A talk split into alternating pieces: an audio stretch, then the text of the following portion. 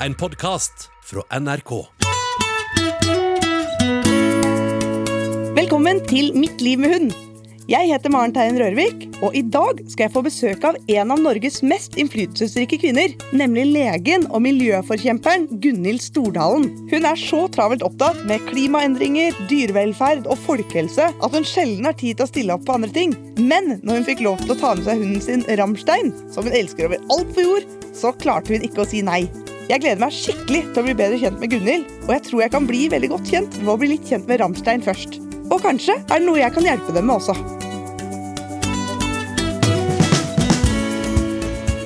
Da er vi på vei inn til Maren, Ramstein og jeg. Ja, kan du komme, Pølse? Kan du komme? ja, nå står han der og i genseren sin og venter på at uh, han skal bli ferdig å tisse. Og så skal vi inn og snakke med Maren. Vi gleder oss veldig. Vi har masse å snakke om. Noen problemer, ikke så mange. Så det blir spennende å høre hva hun sier. Ramstein, du. Ramstein.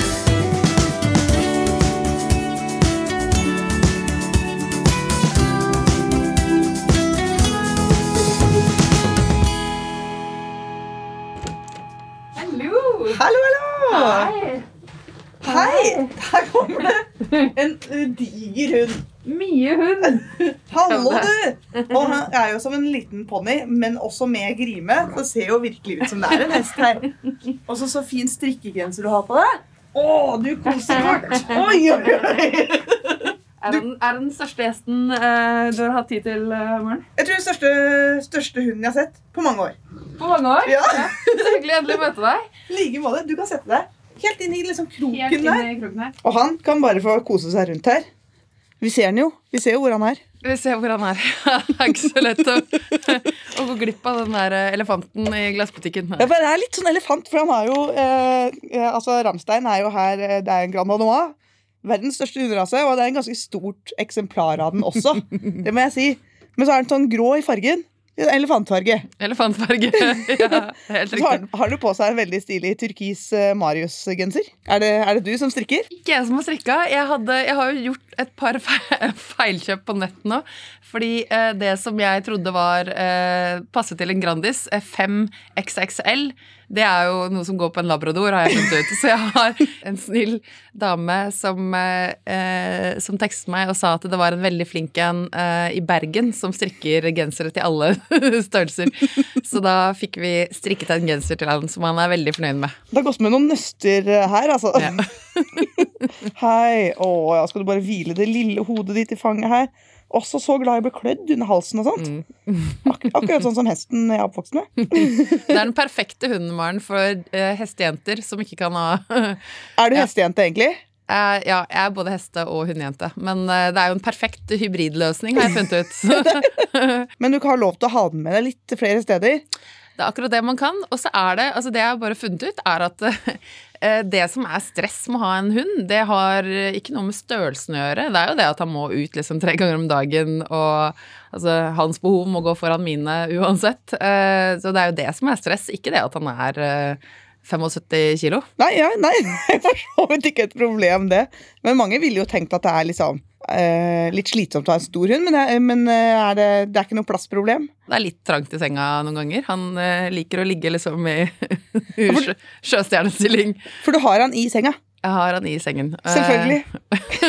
Men det er jo altså de, de jeg kjenner nå som driver med oppdrett av grandiser, som jeg kaller det, eh, de sier jo det at de ikke skal ligge for mye på hardt gulv, da, for da får de liggesår og sånn i og med at de er så tunge. Ja. De, de må egentlig få lov å ligge i sengen og sofaen.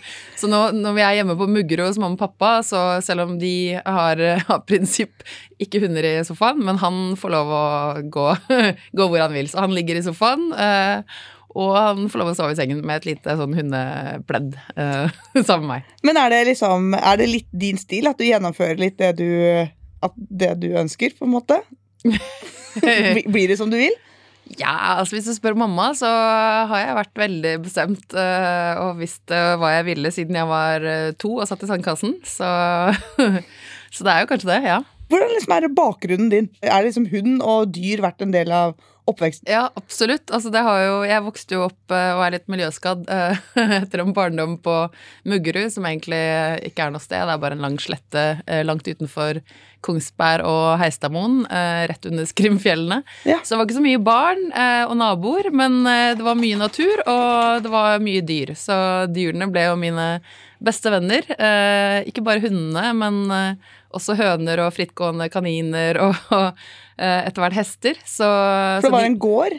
Nei, det er ikke noe gård, egentlig. Det er et lite, altså et lite småbruk, da. Vi dyrket liksom egne poteter og tomater og sånn, men mamma og pappa jobbet med andre ting, og de var jo ikke bønder, liksom. Men eh, pappa, han, han Jeg har en godbitpose her, og det har nå skjønt. Og han skjønte det, ja. Ok, sitt da. Sitt. Ja, bra!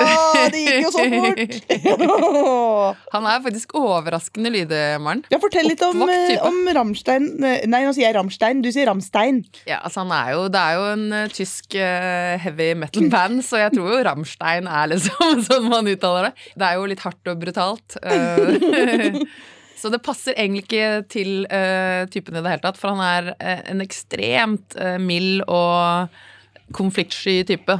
Ikke så tøff som navnet tilsier, eller? Nei, han er ikke så tøff som navnet tilsier. Ramstein blir selv jaget rundt av små hunder som føler seg truet av at han er så stor. Ja. eh, og begynner å bjeffe og sånn, og da blir han liksom, da rygger han eh, og går unna. Men det er jo veldig bra at han ikke er ute etter å lage bråk, da. Det hadde vært helt uh, krise hvis han var uh, et annet lydende. Altså 75-80 kilo uh, egne meninger som det, er ikke så, det er ikke så praktisk, i hvert fall ikke i byen. Vi har mange ganger tenkt på det, fordi det er jo eh, mange småhunder eh, er kjempefine, og veldig mange småhunder eh, har eh, et lynne som ikke er helt bra. Det må man kunne være ærlig og si. Altså, De hadde, de hadde ikke eksistert hvis de hadde vært på størrelse med en Grandis, for da hadde du ikke kunnet akseptert det. Nei, det, det er akkurat det. Altså, det, jo, det viser jo at det er jo mulig på en måte å endre det gjennom avl også. Da. Altså, hvis man hadde avla på småhunder med veldig bra lynne, så hadde det jo blitt sånn som Rammstein her. Altså, en, en hund som er grei med andre hunder, og som ikke bjeffer og buser og bøller. Det kan jo liksom, kan noen ganger være litt inspirasjon, kanskje. De kalles jo Gentle Giants, så han, men han, jeg tror han er faktisk et ganske eksepsjonelt uh, bra i forhold til hver Grande Noa. Altså, han er eh, utrolig lettlært. Uh, tar korreksjoner med en gang. Brukte to dager på å lære han å løpe, selv om han aldri hadde jogget før. Ja, for hva gjør, uh, hva gjør du og Ramstein til vanlig? Nei, altså Han gjør jo alt det jeg gjør, eh, og nå med hjemmekontor så er vi jo sammen 24 24-7. Eh, Nei, så vi starter jo dagen med å dra ut og løpe.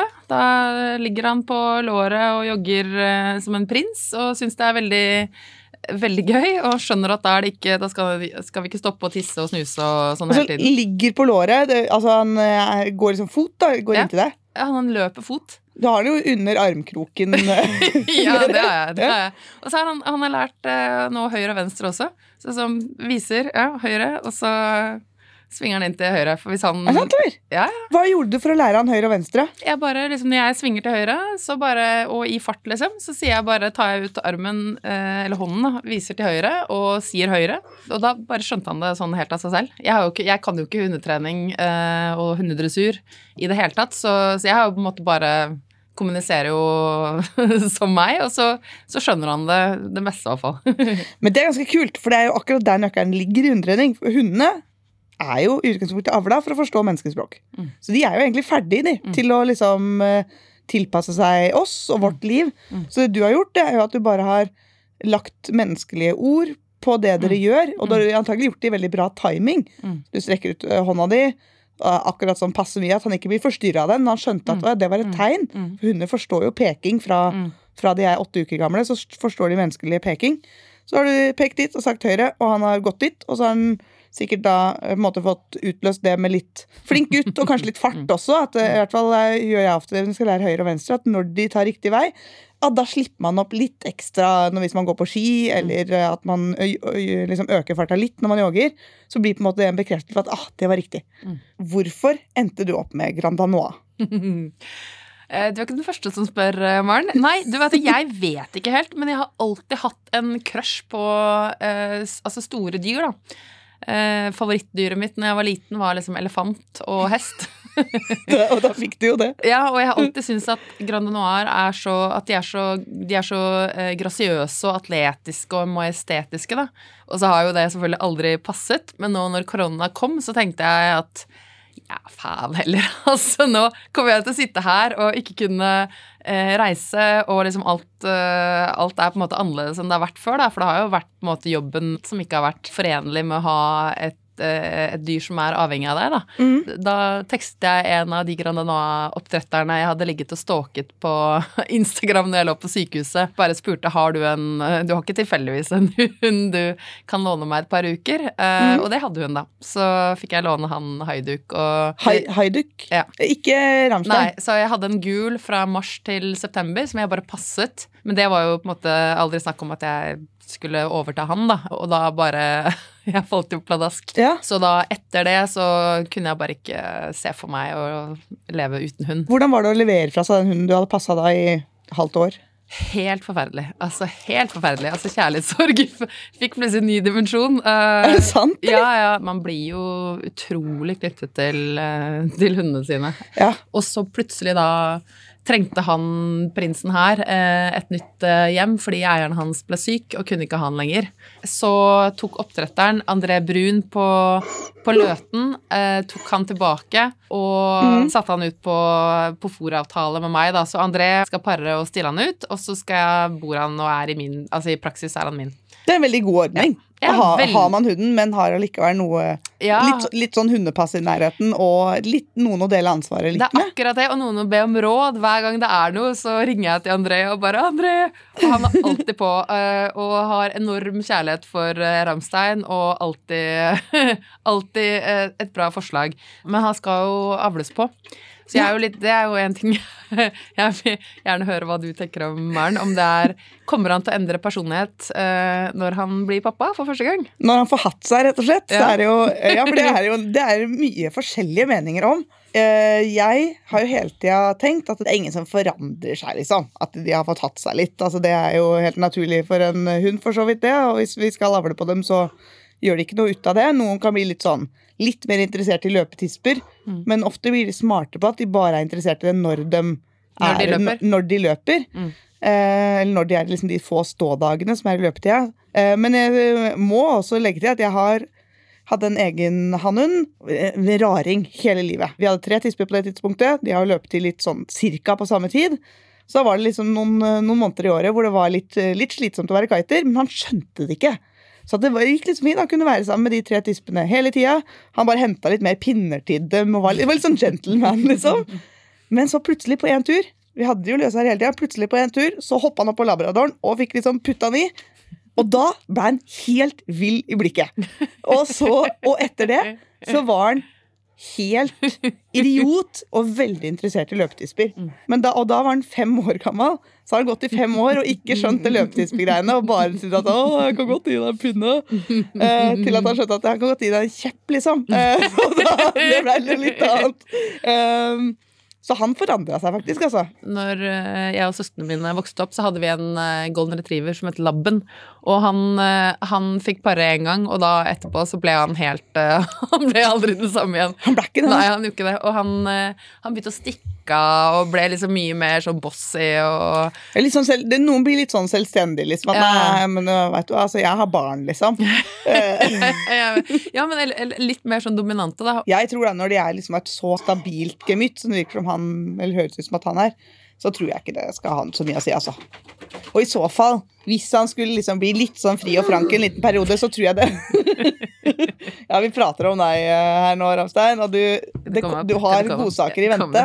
Men, men da må du ta deg sammen for å være den samme når du kommer tilbake. Jeg tipper at det går bra, for det blir liksom ulike miljøer og sånt. Så han kommer tilbake til deg, så tenker jeg han er tilbake til normalen. Altså. Jeg ville ikke vært veldig bekymra Ja, for men det det. er bra, Maren, at du tror at det kommer til å gå bra. For jeg er, bare, jeg er så veldig veldig fornøyd med han og personligheten hans. Så jeg vil liksom helst at han ikke skal få en personlighetsforandring etter han kommer tilbake fra pareferien sin. Nei.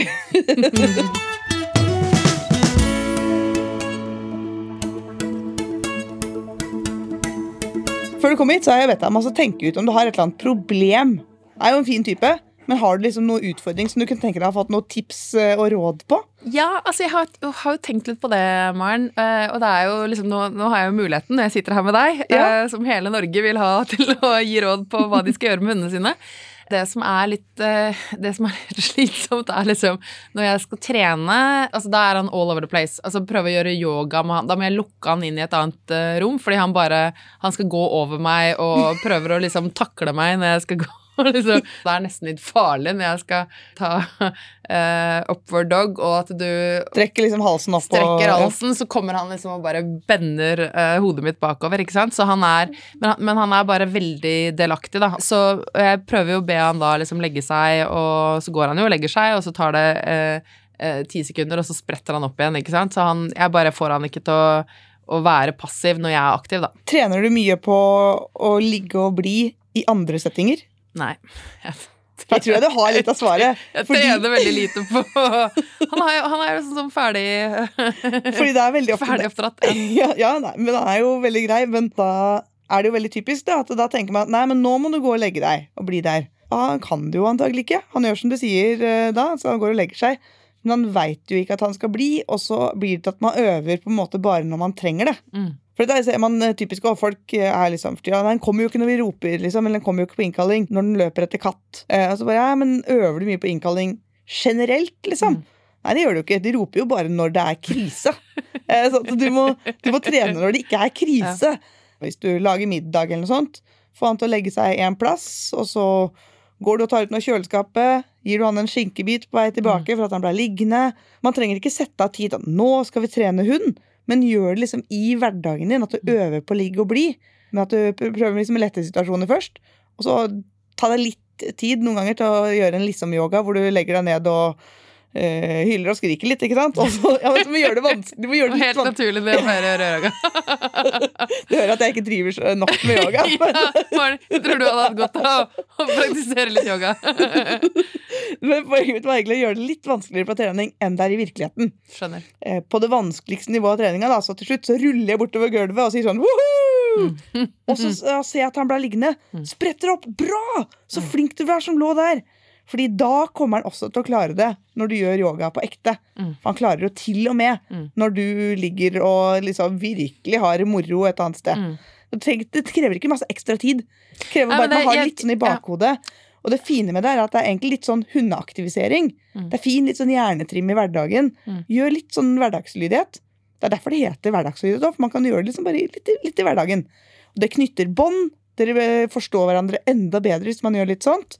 Og så blir den enda litt lydere. Altså, jeg digger det. Eh, hverdagslydighet. Og det er jo liksom det jeg har tenkt at jeg, jeg kan ikke bruke mye tid på trening, men å gjøre, altså, bare, bare liksom lure det inn eh, og gjøre det som en del av det du normalt eh, ellers gjør gjennom en dag. Og vi trener jo egentlig mye når, jeg, når vi er ute. Nå har han eh, han har nesten sluttet å gå i bånd. Nå er jeg nesten løs hele tiden. Altså, Ja. Han tusler rundt i frakken sin. Og, liksom Og hvordan har du fått til det? vi var i Hemsedal under um, nyttårshelgen, og han lærte seg veldig fort å gå fint på ski også. Men så eh, røk båndet av en eller annen eh, grunn. Og så var det liksom, var vi langt unna. Uh, så vi kunne ikke bare dra tilbake liksom i, på hytta. Så, så jeg bare sl uh, slapp han, og så tenkte jeg at nå får vi la det stå til. Og så gikk det superbra, ikke sant. Så tenkte jeg ok, nå eh, han, det er jo ikke noe stress. Han kommer når jeg kaller på han, og han, ikke, han hopper ikke på og spiser andre hunder eh, på, som kommer imot. Og så har vi bare begynt å, å gjøre det nå når vi er hjemme i byen også. Men er du liksom ute og flyr med pølsebitene, eller kanskje Jeg har litt morrpølser i lomma, ja. ja, ja, men du har jo litt sånn belønninger og sånt underveis. ja. Ja, men ikke sant, da er det jo da, da gjør det jo på en måte en hverdagslydighet, og så kan man bare utvide den med litt Mm. andre øvelser. ja. Men det høres veldig bra ut.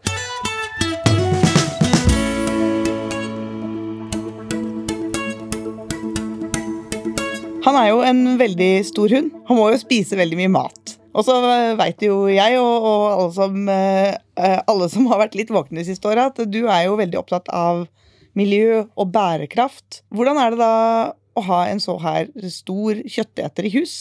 Det er jo et paradoks på en måte. Eh, Når jeg kommer med eh, et par bæreposer eh, fulle av eh, frosne høne så, fra, fra Coop, så føler jeg meg litt dobbeltmoralsk. Eh, Ja. Men eh, nei, altså, han spiser jo enormt. Jeg er sikker på at jeg har doblet uh, matbudsjettet etter at jeg fikk uh, han i hus. Men det jeg har gjort, er jeg, jeg driver jo og ser på uh, hva er en sunn og bærekraftig uh, diett for hunder. ja Det har jeg jo aldri tenkt på før. ikke sant? Sånn For jeg, for jeg jobba, i, jeg jobba litt i dyrematbransjen en liten stund her også. Og da jobba jeg liksom, med det de kaller biologisk korrekt fòring av hunder, som går på at de skal liksom spise primært liksom kjøtt. da, Så og så mye kjøtt, og så en del brusk og innmat. At liksom det skal være en viss fordeling. Og så at de skal ha noe grønt, da. Men ikke, ikke liksom de raske karbohydratene, men de kan ha en del trege karbohydrater. Mm. Nå er jeg veldig spent på Hva har du liksom funnet ut av til nå? Nei, altså det er jo det er jo veldig gøy at vi kan snakke om det her, eh, barn. Fordi jeg fikk jo helt bakoversveis når eh, jeg leste at, eh, at bare å fòre hunder og katter i verden i dag med tørrfôr, det krever et areale som er større enn hele Storbritannia. Eh, sant, det? Og hadde det vært Hadde, hadde kjæledyrfôrindustrien eh, vært et utslippsland, da, så hadde det vært det sjette største eh, utslippslandet i verden etter liksom USA og Kina og India, liksom. Men fungerer det sånn i praksis? Jeg tenker jo at eh, det meste dyrefòr bruker jo slakteavfall. Ja, og, ikke sant? og her, er, her er det jo mange, eh, mange elementer og mange dimensjoner. Da. Eh, for ikke sant? det der å spise liksom hele, nyttiggjøre seg hele dyret, eh, det er jo på en måte det mest bærekraftige. Og vi produserer jo allerede altfor mye. Vi kaster jo masse, og det å bruke alt som ikke går til menneskemat, til dyrefôr, det er jo på en måte bærekraftig. Samtidig så er det jo liksom eh, med en, en befolkning som vokser, eh, som kommer til å være ti milliarder om bare et par tiår, eh, flere og flere som begynner å ha hunder eller katter. Eh, er, hvordan skal dette gå opp, liksom? Og hva er et optimalt sunt kosthold uh, for hunder? På der så må jeg jo, eh, for jeg vet at I liksom magesekken på ulike dyrearter så er det ulike enzymer som bryter ned protein. Det er en protein som er det sentrale i maten for karbohydrater. og sånn. Det klarer de fleste å fløye sånn noenlunde likt. Hunder mangler de fleste enzymer for å få protein ut av planter. De, må jo, de må jo ha kjøtt. Ja, Men de katt, ha, katt er enda mer ekstrem En, på enda mer ekstreme. Så det kommer noen nye proteinkilder nå som insekter, som stadig flere nå bruker i hundefôr. Så jeg er veldig eh, interessert i å liksom teste ut når det kommer noe som er både sunt eh, og riktig sammensatt for eh, hunden, og som også er mer bærekraftig. Noen av de store merkene har jo begynt å nå ta inn insekter i fôret sitt. Det er jo superinteressant. Men altså, det, insekter, er det animalske proteiner? Altså, insekter er jo en animalsk eh, Altså, det er, du, du, de er jo ikke planter, på en måte. Nei, Så de er jo- jeg vet Ja. Det var Så, sikkert er- tidenes dummeste spørsmål. Nei, nei, det er, det er ikke det. Men de er, de er veldig eh, høy, altså høykvalitet eh, protein. eh, og de er mye mer bærekraftige, for de kan f.eks. spise matavfall. Og det, det er ikke alle som eh, har veldig lyst til å spise insekter, selv om mange mennesker i verden i dag spiser insekter. Ja. Eh, men å bruke det som dyrefôr Det er jo nå svære produksjonsfabrikker nå f.eks. i Nederland som produserer Nei, hysj. Eh, som produserer insekter for bl.a. blant annet for grisefôr. Da. Og det er jo Ja. også snakk om liksom fôre insekter til fisk. Eh, så, så insekter er et bra protein. Mm. Eh, men du må, liksom, du må sette sammen da, et fôr som er fullverdig, og som er optimalt sunt. Altså, det kommer jo til å skje ting på hunde- Mm. eller dyrefòrindustrien. Åpenbart. Det følger jo altså, Det er jo sånn hundeoppdragelse, bare. Altså, det følger jo menneskelige trender, det også. Mm. Og dette er jo ikke bare en trend, men det er, dette er retningen det må ta. Og da må jo dyre- og kjæledyrindustrien følge med. Og det, det som er eh, ganske liksom interessant og litt trist, da, er jo at, uh, at kjæledyrene våre de får jo de samme sykdommene som det vi mennesker får. Mm. Jeg fikk jo helt sjokk når jeg så liksom alle de ulike fôrtypene. Der var det diabetesfôr og Mm. allergifôr og eh, det var liksom ja, diettfòr. Og når du ser også liksom, se, se på kjæledyrene i USA, hvor feite de er. De har fått mye flere kreftformer også de Ja. siste åra. Sånn at det, det er jo Så er man der hvor mye er diett og hvor mye er miljø og alt sånt. Det er jo De veit jo ikke helt, men, Men eh, genene forandrer seg ikke eh, så fort, så dette her er jo miljøet og livsstilen Ja. de blir utsatt for, ikke sant? Så, Ja. så når de lever de samme eh, livene som det mennesker gjør, eh, så får de også mye av de samme sykdommene. Da. Det er jo det man ser. Mm. Så, så jeg tror jo det Hva er liksom et optimalt sunt og bærekraftig kosthold eh, for hunder og for katter? Det er et viktig spørsmål. Det er en ikke ubetydelig del av det store bildet. Veldig, veldig, veldig spennende.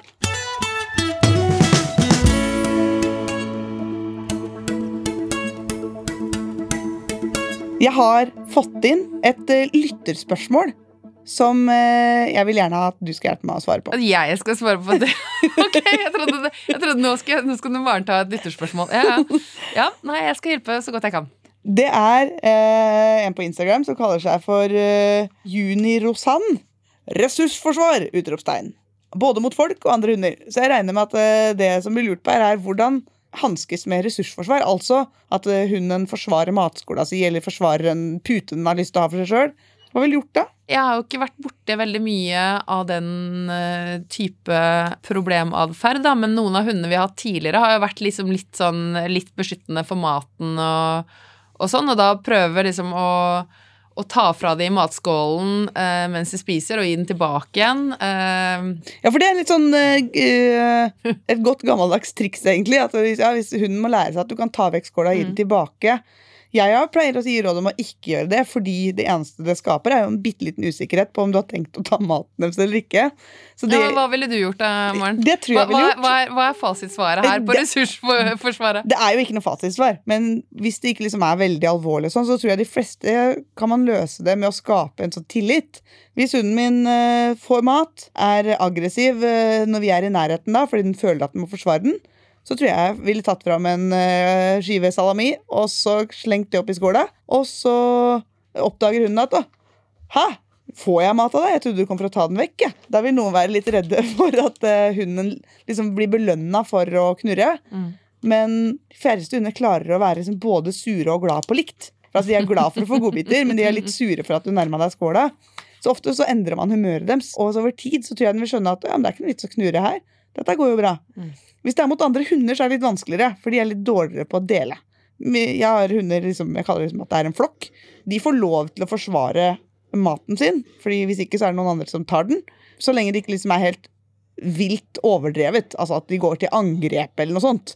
Det får de ikke lov til. Så da er jeg bare inne og bestemmer. Så da går jeg inn og er litt streng. Og sier at nei, det, sånn oppfører vi oss ikke.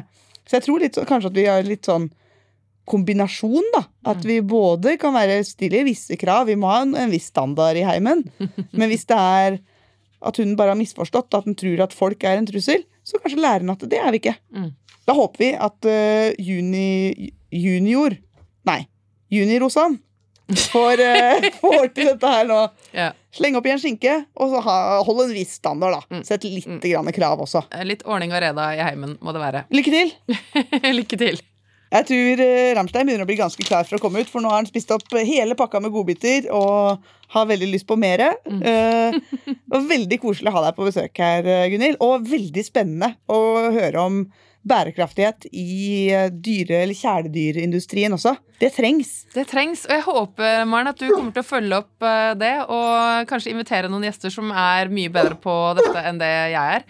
Eh, Jeg veit ikke hvem det skulle vært, så får stå, men jeg får, jeg får få ja, noen navn, gode, Jeg skal komme med innspill, men eh, nei, fordi jeg, det, det tror jeg er noe som eh, mange er interessert i, da. Ja. Uh, og, Og så gleder vi oss til å se deg løpende i parken med en Rammstein som plutselig får beskjed om å legge seg og bli ja.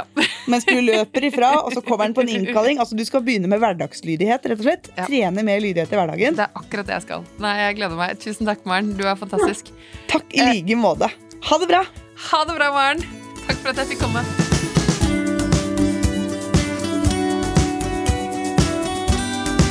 Denne podkasten er produsert av Monster for NRK.